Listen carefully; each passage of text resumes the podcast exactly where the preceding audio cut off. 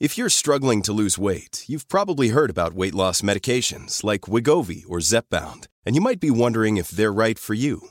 Meet PlushCare, a leading telehealth provider with doctors who are there for you day and night to partner with you in your weight loss journey. If you qualify, they can safely prescribe you medication from the comfort of your own home. To get started, visit plushcare.com slash weight loss. That's plushcare.com slash weight loss. plushcare.com slash weight loss. There's never been a faster or easier way to start your weight loss journey than with PlushCare. PlushCare accepts most insurance plans and gives you online access to board-certified physicians who can prescribe FDA-approved weight loss medications like Wigovi and Zepbound for those who qualify. Take charge of your health and speak with a board-certified physician about a weight loss plan that's right for you. Get started today at plushcare.com slash weight loss. That's plushcare.com slash weight loss. plushcare.com slash weight loss. Ni lyssnar på Bagge och Brobacke podcast. I 30 minuter varje vecka kommer vi ge vår syn på marknaden med fokus på pris, makro och sentiment. Välkomna! Sådär, det var dags för avsnitt 42 av Bagge och Brobacke podcast. Idag är det den 9 mars 2022. 10.29 här när vi trycker på inspelningsknappen. Och eh, mitt emot mig har jag min kära poddkollega David Bagge. Hej David! Hallå, Hallå, hallå, hallå. hallå, hallå. Hur står det till? Vi har två mickar idag. Ja, vi har två mickar. Jo, men Ja. det är jättebra. Jo, men det är bra. Det var länge sedan jag var så här liksom eh, stark i kroppen och liksom laddad. Ja, Okej. Vad, vad kul. Det blir, blir extra mycket träning eh, under såna här hektiska börsdagar kanske? Träning... Skönt att rensa skallen eh, lite. Ja, men det, det måste man alltid ägna Mm. sig åt för att det liksom, eh, släppa skärm och komma iväg, rensa skallen. Ja, och sen är det otroligt fin eh, cykelmånad här in till, till jobbet. Ja, just det. Du är en sån ja, cykel. Så det börjar, Så det bli, kan börjar bli kul igen. Ja. Ja, ja exakt. Hörde, om vi ska prata lite marknad. Mm. Eh, ingen ny lägsta i USA, men besökte bottnarna igår. Eh, har börjat studsa lite här nu om vi tittar på terminen på, på dagen. Upp Mm. lite drygt 2% i USA. Tittar vi på Europa så står vi lite lägre än sist vi poddade, men vi har faktiskt, eh, vi stod betydligt lägre här i början av veckan Mm. och eh, reverserat lite. Jag tror Mex är upp lite drygt 3% här nu. Eh, Daxen upp 3,6. Så vi ser någon typ av kapitulation på kort sikt i alla fall tycker jag i Europa. USA Exakt, speciellt i Europa. Ja, eh, USA har sett svagare ut sen förra veckan. Eh, kan man liksom bara titta lite själv, jag tycker ändå det är intressant. Jag såg eh, till exempel att sol, solenergi stängde 10% upp igår, mitt i brinnande bäsen. Mm. Uh, och sist det såg ut så här så kom de lite större techgrejerna tillbaka.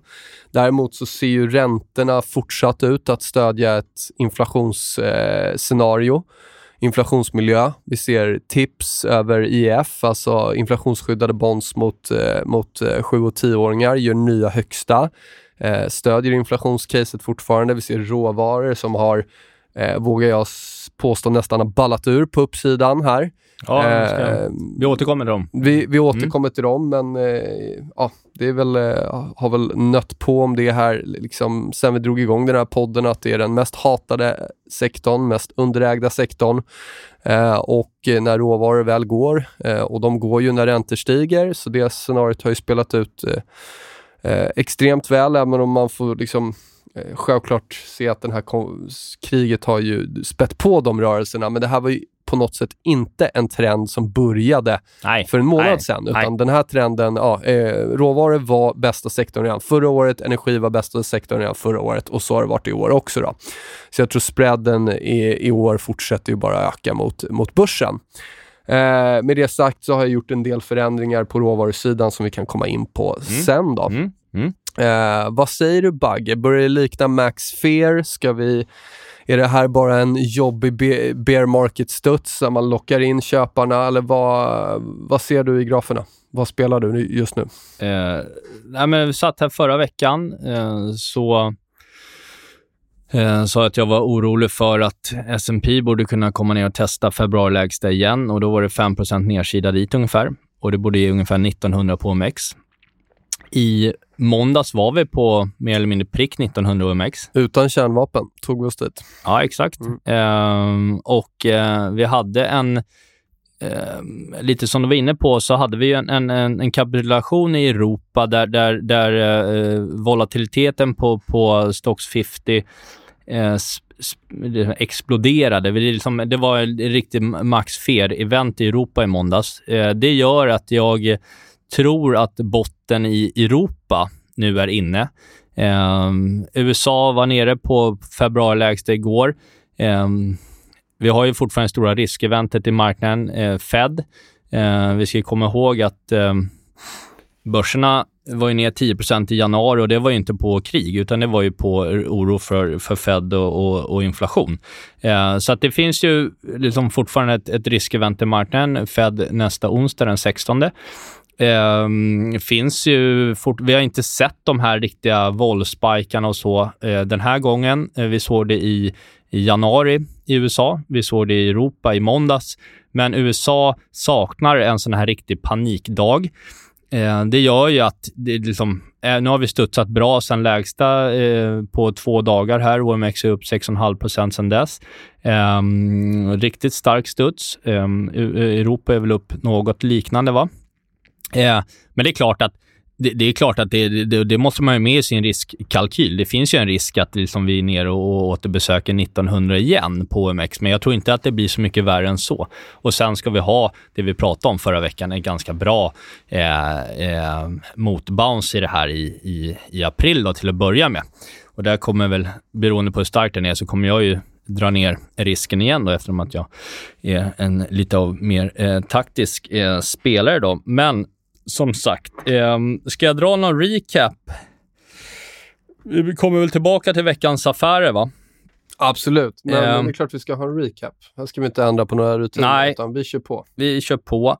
Um, dag 14 är vi inne på, i, på invasionen av uh, Ukraina. Um, europeiska börser fram till i måndags är ner ungefär uh, något liknande Eh, på de här 14 dagarna ungefär 14-15 procent har Europa fallit. Ehm, och eh, det vi ser är ju då, som du nämner själv, energibolag i topp, banker i botten. Nu har vi en väldigt bra studs i bank här sista dagarna, vilket är, väldigt skönt att se.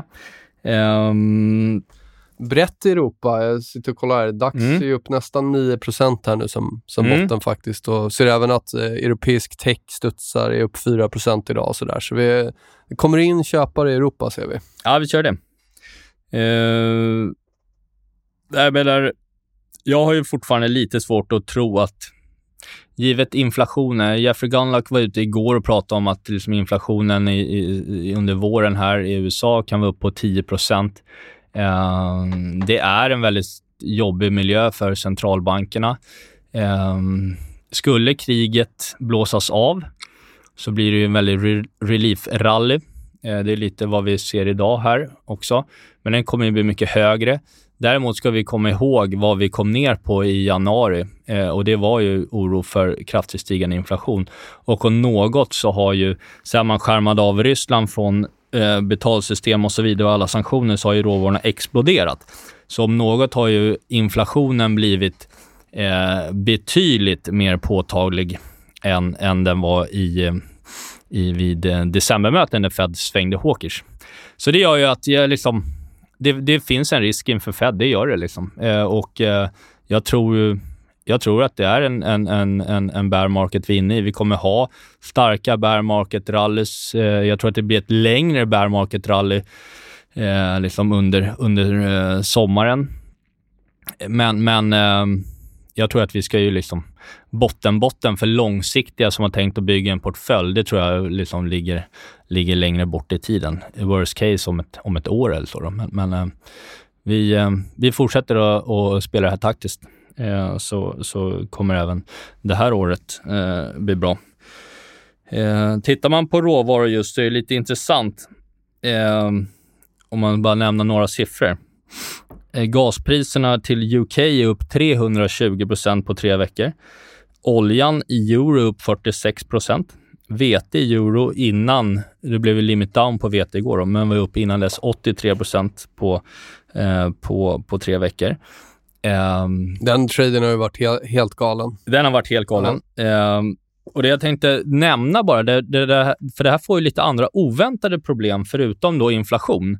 Vi har ju sett ganska duktiga margin calls inom råvaror. Eh, exempelvis så nickel, priset på nickel dubblades ju mellan natten mellan måndag och tisdag. Eh, och eh, i första mars kostade ju nickeln 25 000 dollar eh, per ton och i, i natten till tisdag så var den uppe på 100 000 dollar per ton.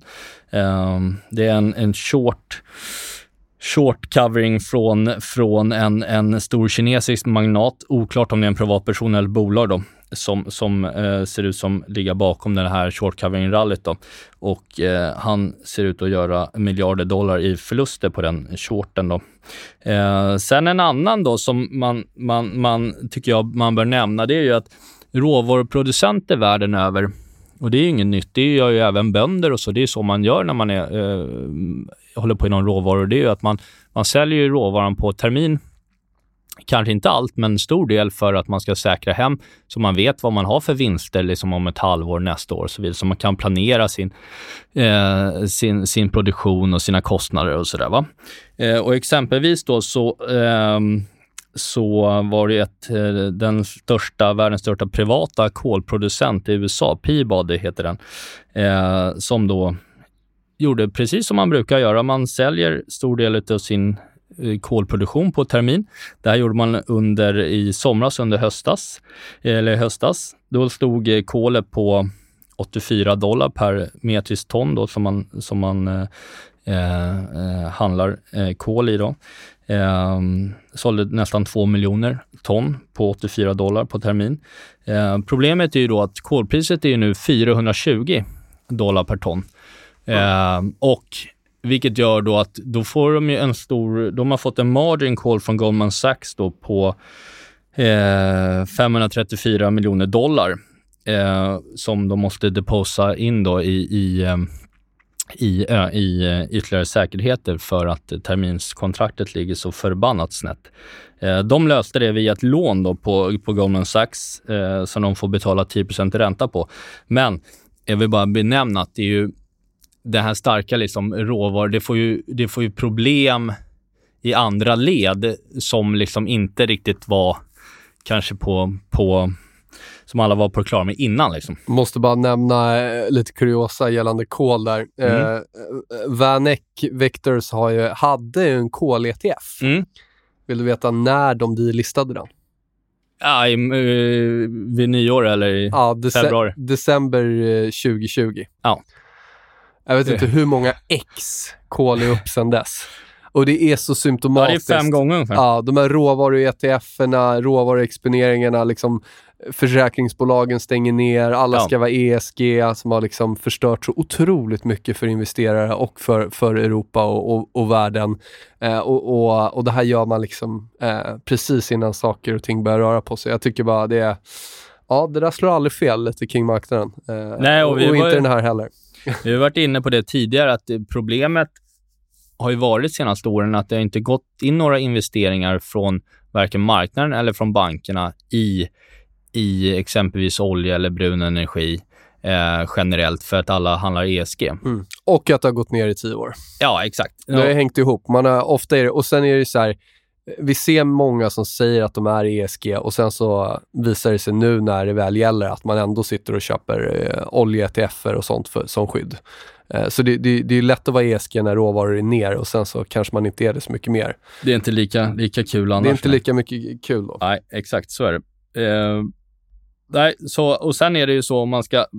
Det är inte varje eh, recession då som har eh, gjort att oljepriset har dunkat upp, men däremot så sparkar oljepriset brukar, eller historiskt, lett till eh, eh recessioner eh, generellt. Då. Och eh, jag läste en analys i veckan här där, där, de, där de eh, pekar ut att det, eh, den läskiga var ju i säg Gulf, eh, Gulfkriget då, 1990. Då hade vi en riktig spark i, i oljan och så, sen blev det ju eh, fastighetsbankkris eh, och allting var det i slutändan. Då. Men då var ju Feds ränta på 8% och man hade precis börjat sin liksom, easing cycle och sänka räntan och sådär. Um, nu är vi ju i precis det och det är det här som är det stökiga för marknaden under året. Det är därför jag liksom inte är så här, liksom att vi ska tillbaka ett V till all time high och det ska bara trumma på kommande år uppåt. Utan eh, nu är vi ju tvärtom. Nu, nu är alla centralbanker ränta noll och i, om något i början, precis i början, har inte ens börjat i sin hiking cycle. Eh, så att det är eh, det gör ju att recession, vinstrecession, stagflation, och alla de här liksom skrämmande orden som, som investerare generellt avskyr är ju, ehm, eh, ser ju allt mer troliga ut för, för året och även in i nästa år. Eh, men det de senaste veckorna jag har ju pr jag pratat med ganska mycket strateger och så på, på stan och så här. Folk som har varit väldigt liksom, benhårda i liksom, att nej, men det, vi, ser ingen, vi ser ingen recession i år. Vi ser ingen vinstrecession. Eh, du ska ha den, den, här typen av sektorer och så vidare. Visst, du ska ha lite övervikt liksom, defensivt, men du ska liksom för Q1 satsa på, på cyklis och så vidare. Nu däremot när man, när man, när man pratar med, med samma serie, så ja, ah, du vet, det här kan gå precis hur som helst. Liksom. Det här det här, det här är, är inget bra. Till och med, till och med Sarve då som liksom Eh, när han var med i podden senast, liksom, sa när han bara, men jag har inte lika liksom, bäsig vi på konjunkturen som, som du har Bagge. Även han börjar ju tycka att det är så, ja, men det här är lite sådär liksom Sen var han ju för sig, han var ju för sig bullad typ utilities och det är ändå upp så här 11-12 ja, ja, ja, sen februari. Ja, men defensivt att, men, det man ska ha, ja, absolut. Ja. Men, men, Nej, men jag, jag märker också, jag märker också det du säger just eh, gällande strateger, gällande tyckare och sådär. Det, det är ju ett helt annat snack nu ja, eh, än vad det var bara i, i början av året. Liksom. Uh, och det där gillar man ju att se uh, om man ska gå emot såklart. If you're struggling to lose weight, you've probably heard about weight loss medications like Wigovi or Zepbound, and you might be wondering if they're right for you. Meet PlushCare, a leading telehealth provider with doctors who are there for you day and night to partner with you in your weight loss journey. If you qualify, they can safely prescribe you medication from the comfort of your own home. To get started, visit plushcare.com slash weight loss. That's plushcare.com slash weight loss. plushcare.com slash weight loss. Alltså, kommer du ihåg när vi satt här i förra våren eh, och pratade och jag vet specifikt en intervju med, med Gabriel på DI-TV där mm. jag skojade om det och sa liksom att det finns inga björnar kvar. Och så nej, nej. Gabriel, du är ju den största permabjörnen av dem alla och till och med du är positiv nu. Ja. Eh, och, och, sentiment är svårt. Eh, eh, och jag gillar Gabriel, han är jätteduktig, men, men, men det är också sådär att vilka är bullade just nu kontra hur det såg ut då? Snacka om att sentimentet på mindre än ett år har gått från att till och med de största permabjörnarna var bull till att nu Alltså det, det, är, det, är, väldigt många som vill sälja nu. Det är väldigt många som hör av sig som inte pratar aktie annars. Mm, mm, mm. Från, egentligen från professionellt håll ner till liksom vanliga sparare är ju extremt rädda just nu.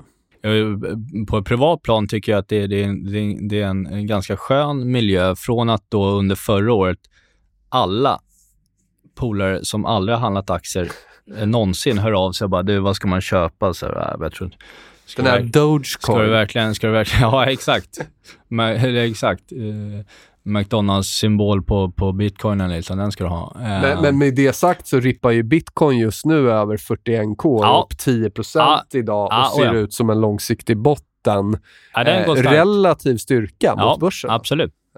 Um, och den tycker jag egentligen har varit ganska oväntat svag uh, hittills med tanke på allt uh, stök som, som, som ändå är. Men det är en temperatur på risk som ja, vi brukar säga. Ja, det är en risk-on trade, men jag tycker ändå man ska ändå ta med sig att, att uh, det är inga nya lägsta i bitcoin sen sen 24 januari. Uh, och, och, nu ser vi dessutom ut, nu har vi pressat upp över 41k igen här och, och har vi nu haft liksom konsolidering hela, sen det här årets start har vi handlat sidled, eh, förvisso upp och ner ganska kraftigt med sidled. Om vi nu tar ut den års, alltså där vi började året runt 45k, eh, kan bli bra tryck på uppsidan där tror jag. Alltså. Ja, det kan det bli. Ja, och sen så om man tittar på year end target lite så här på strategerna på Wall Street. Alla var ju tokbullade i början av året. Nu kommer target ner ganska snabbt, slashas hejvilt på alla firmer. Eh, vi har eh, folk som tidigare trodde typ 4-8 är nere på, tror på 4 000 på year end target nu på S&P.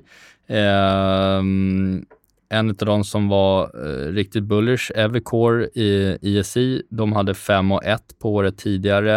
Eh, de tror på 4-8. Eh, så att det är ju ändå liksom härifrån är det liksom 13-14 upp då. Word Wilson då på Morgan Stanley, han har ju legat helt rätt hittills, eh, har ju varit bäsad länge. Eh, han tror då att eh, S&P stänger året på 3 och 9. Eh, och aggregerat eh, så är taget 4 och 3 från tidigare 5 000 på slutet av året. Så det är ungefär på dagens nivå, eller 1% över. Mm. Eh, men det är ju den här typen av grejer vi vill se för att kunna få att det blir, när det blir riktigt brunt i marknaden, sentimentet surnar till eh, och sen får vi se då om vi har ett ännu brunare sentiment på Fed. Då. Men, men det är ju det här vi vill se för en ganska stark rebound på ett par veckor i april. Liksom.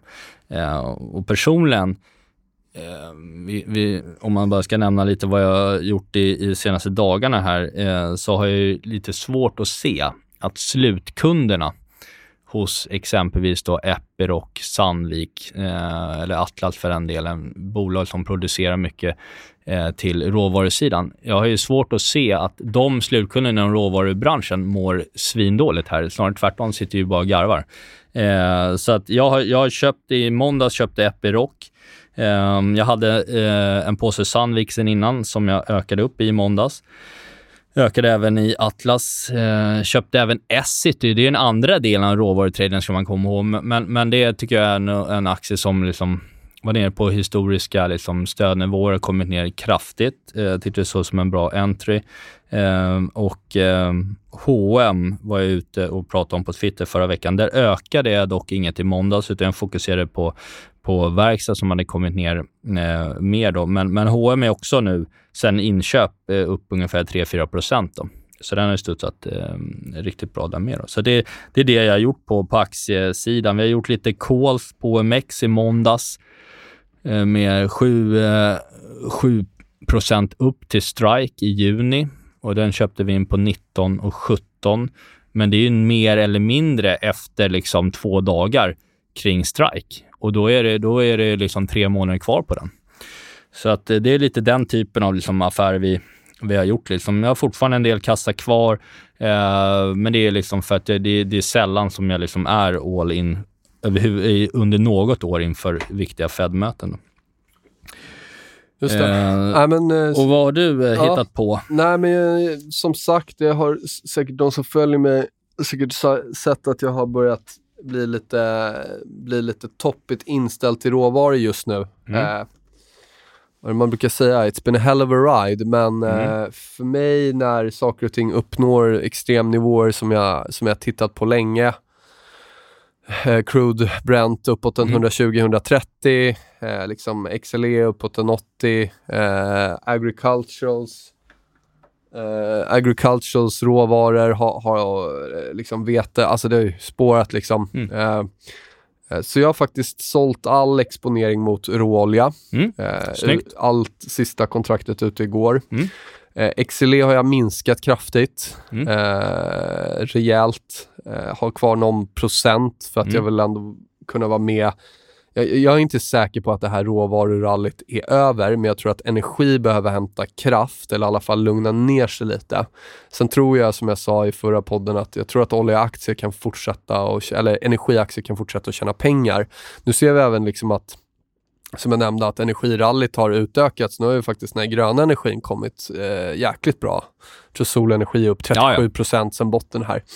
Och det är ju Eh, den andra sidan. ja, när, ja. när oljan blir för dyr så börjar man titta Ja. på liksom eh, alternativa energikällor. Så, så, eh, så kvar lite i, i XLE ETFen, men, Mm. men kraftigt reducerad. Sålt all agricultural, sålt all råolja. Mm. Håller kvar basmetaller Mm. eh, och eh, gillar också att titta på att öka i precious metals. Det ser Mm. ut som att guldet bryter upp mot nya högsta. Mm. Eh, det har gjort det i SEK redan. Det bryter upp mot sjuårs högsta mot obligationer. Eh, styrketecken. Mm. Eh, det har satt en, en stor botten mot, mot ett brett aktieindex, S&P. Och jag tycker man måste respektera när saker och ting bryter ur långa ranger. Guldet har nu egentligen inte gjort någonting eh, om man jämför med alla andra råvaror, mer än sidledesrörelse. Men vi är nu liksom och tar, tar avstamp från den här 2011-nivån. Och jag vet inte hur långt guldracet kan fortsätta och därmed silver. Eh, men man måste respektera den här typen av breakouts efter så långa konsolideringar. Eh, sist vi gjorde den här typen av rörelser så, så blev det par x upp i guldet. Då. Eh, sen vet inte jag om, om guld kommer stå i, liksom, eh, i 3000 eller 5000 eller 10 000. Omöjligt att säga. Eh, men eh, all time highs efter långa konsolideringar när alla andra råvaror redan har dragit. Om nu börjar guldet hitta fart här måste vi respektera. Eh, så, så det där kan bli, det kan bli en, en, en riktigt grov trend alltså, tror jag. När du ser den här typen av rörelser. Jag är lite sugen på att ställa mig på andra sidan där sen, men, men vi får se. Mm.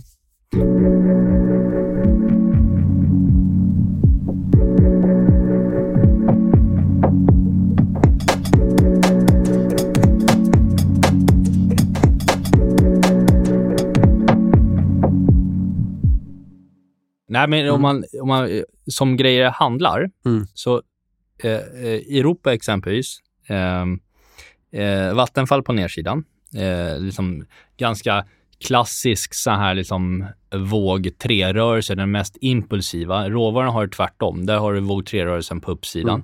Ehm, Men, men du, du kan inte koppla in guld med de råvarorna som har gått. Det som har gått är energi och, eh, och eh, ägs och ja, till men viss nu del snackar base jag lite metals. eh, brett här. Ja, Och det skulle i så fall vara så att vi får en, en stark studs på börserna i april, eh, som förhoppningsvis i Europa botten är satt nu då. Eh, eh, får se hur högt den tas, men det finns ju en risk att eh, många av de här som tyckte det var läskigt att vara med hela vägen ner, kommer ju om vi studsar 10% kanske eh, vikta ner lite. Det är inte liksom omöjligt. Eh, råvaru eller inflationsfaran eh, ligger ju kvar i marknaden eh, om, ganska rejält kan man säga. Eh, I så fall får vi liksom en, en, en, en eh, riktigt liksom, viktig botten i maj i så fall. Eh, och sen tror jag att det, det, sen tror jag att eh, börserna trummar på över sommaren. Jag tror att det blir ganska liksom, juni, juli tror jag blir ganska starka månader, liksom, eh, sommarrally, eh, innan mer stök längre fram i så fall. Då. Men, men eh, i så fall skulle man ju vända på det. Råvarutraden gör ju tvärtom. Då. Skulle råvaror, som du är inne på, du har sålt, det tycker jag låter vettigt. Eh, då skulle den ju under april då komma ner för att sen sätta någon form av ultimat topp 5 då i maj då, samtidigt som börserna sätter sin low för, för eh, H1 då. Eh, men det är bara en, liksom en, en, en roadmap som jag har eh, börjat fila på i huvudet då. Ehm, men vi återkommer. Men det tycker jag känns ganska liksom rimlig. Mm. Nej, men just varför jag tror, dels tycker jag inte att, att liksom, de andra grejerna där i, i råvaror har ju eh, verkligen gått spikrakt upp. Men just när man tittar på basmetaller, då är faktiskt den, även om den har gått lite starkare än, eh, alltså det, det är väldigt samma, det är samma formation, samma scenario i både basmetaller och i, i guld. Mm. Mm. Eh, så där har vi inte alls haft någon, något sjukt rally utan vi har eh, snarare byggt en, en större, eh, större botten för att påbörja det rallyt. Mm. Eh, vi, vi är där vi var 2011. Sen kan det fallera och vara en topp, men, men eh, det vore inte orimligt om, om vi efter så många år och sen börjar göra nya högsta, att det fortsätter att göra nya högsta ett tag till. Det, det, Speciellt om nu räntor. Jag tycker att tioåringen fortfarande inte ser klar ut på uppsidan i räntan. Eh, vi har reverserat hela förra veckans nedgång mm. eh, och jag tror fortfarande vi kan se den där rörelsen upp mot runt en 3% Jag har inte alls strykit det ur boken. Mm. Och i så fall, vad hamnar vi då i, i, i basmetaller? Eh, ska energi ta ytterligare fart då, då kanske man får köpa tillbaka den traden. Eh, så att, eh, ja, det, ja, det... Rå, råvaror, när de väl går, tenderar de att gå eh, ordentligt. Sen, sen så kommer det vara i olika skikt såklart. Liksom. Eh, eh, vi kan ha några som pausar för andra att dra vidare, men eh, jag tycker det är för tidigt att säga med tanke på att inflationsskyddade bonds gör nya högsta, eh, säga att, att råvaruracet är, är, är, klart brett. Det, det, det är för tidigt att, att göra det bettet tycker jag. Ja, jag är ju också, jag är i och för sig av, av, av, av skolan att det är råvaror som leder inflationen inte tvärtom. Men, men um, jag, jag hör helt klart vad du säger.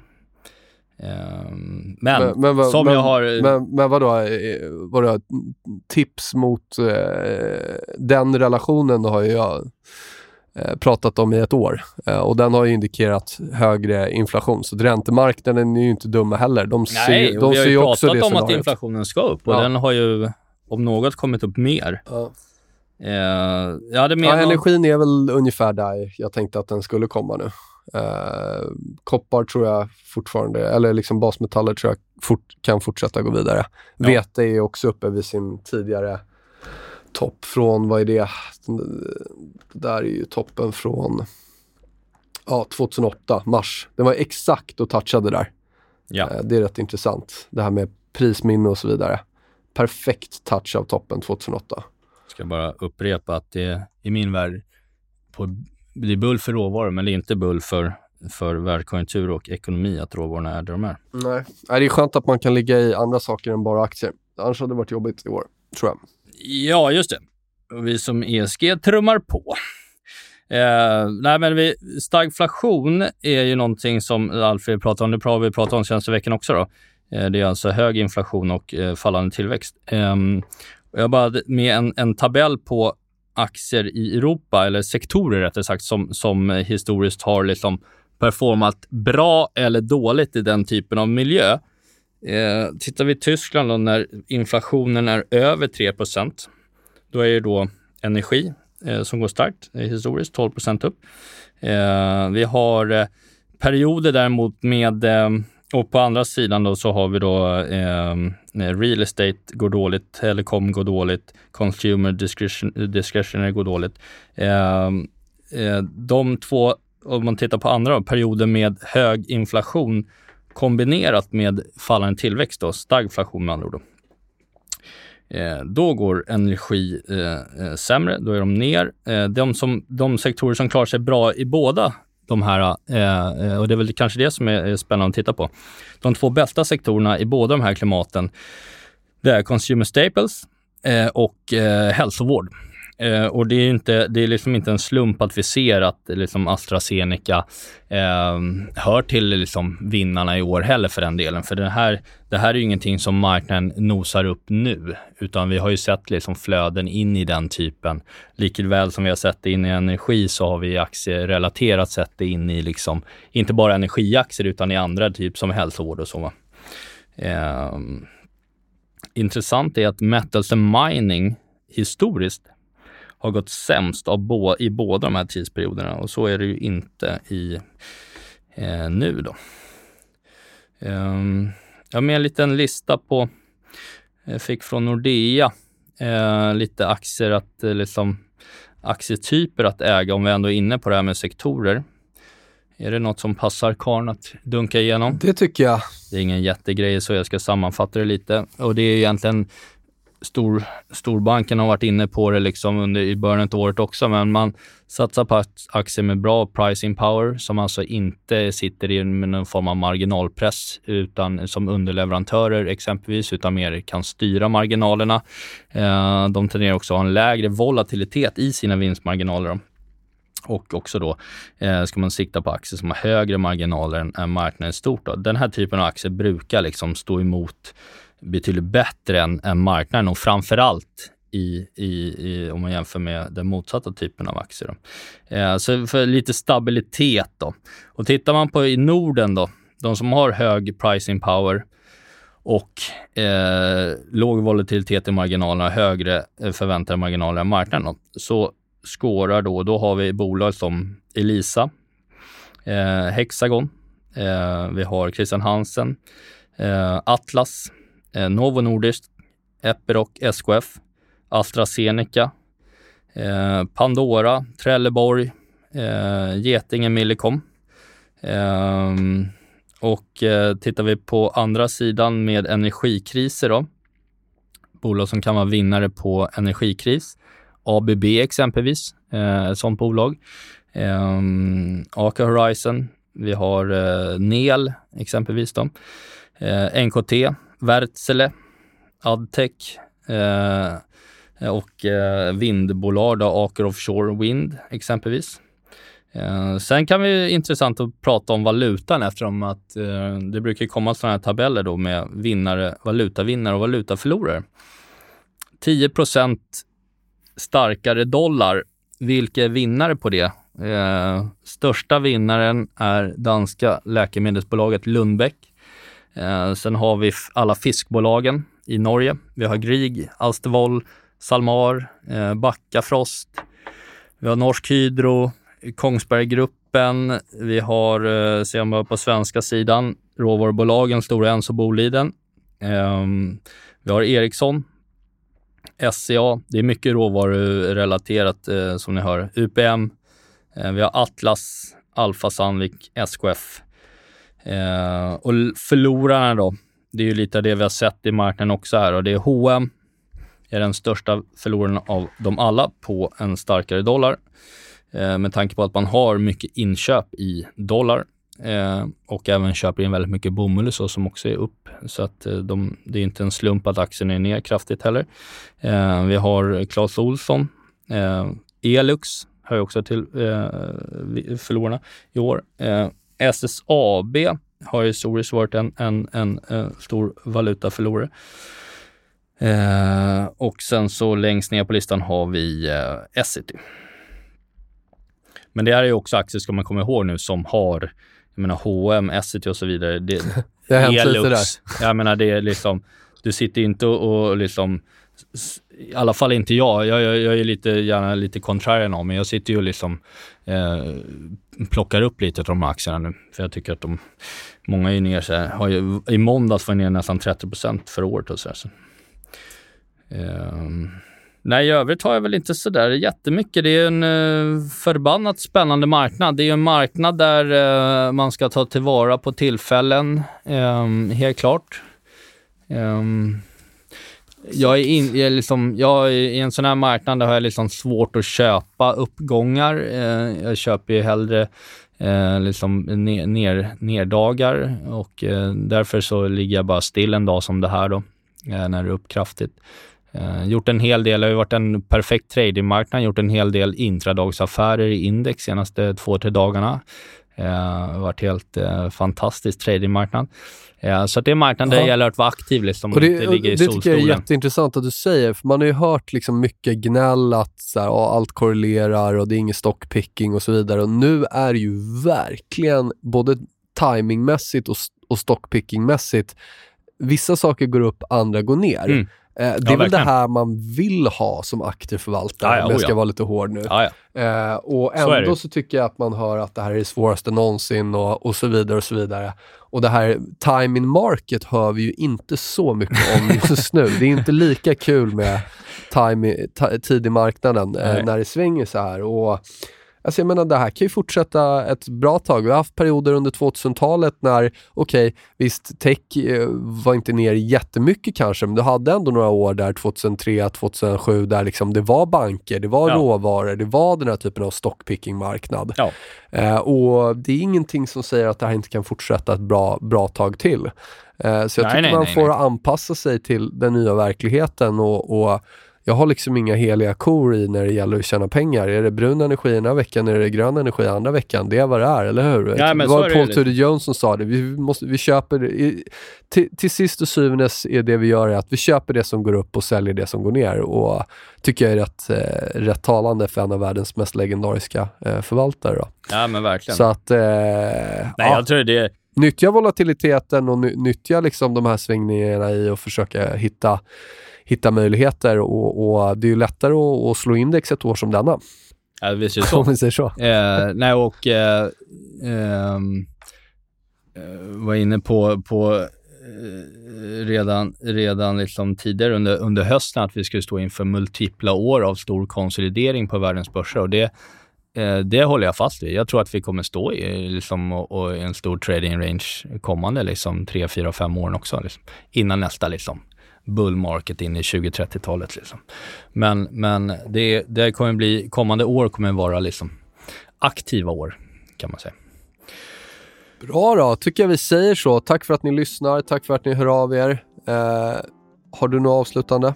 Nej, Nej, utan det är ju eh, fokus på Fed nästa vecka, men vi hinner ju spela in en podd till innan dess. Då, så att... Det gör vi. Ja. Grymt David, ta hand ja. om dig, ta, ta hand om er där ute. Eh, ta det lugnt med risken och eh, ha det gott så hörs vi. Vi hörs, Tja. hej då!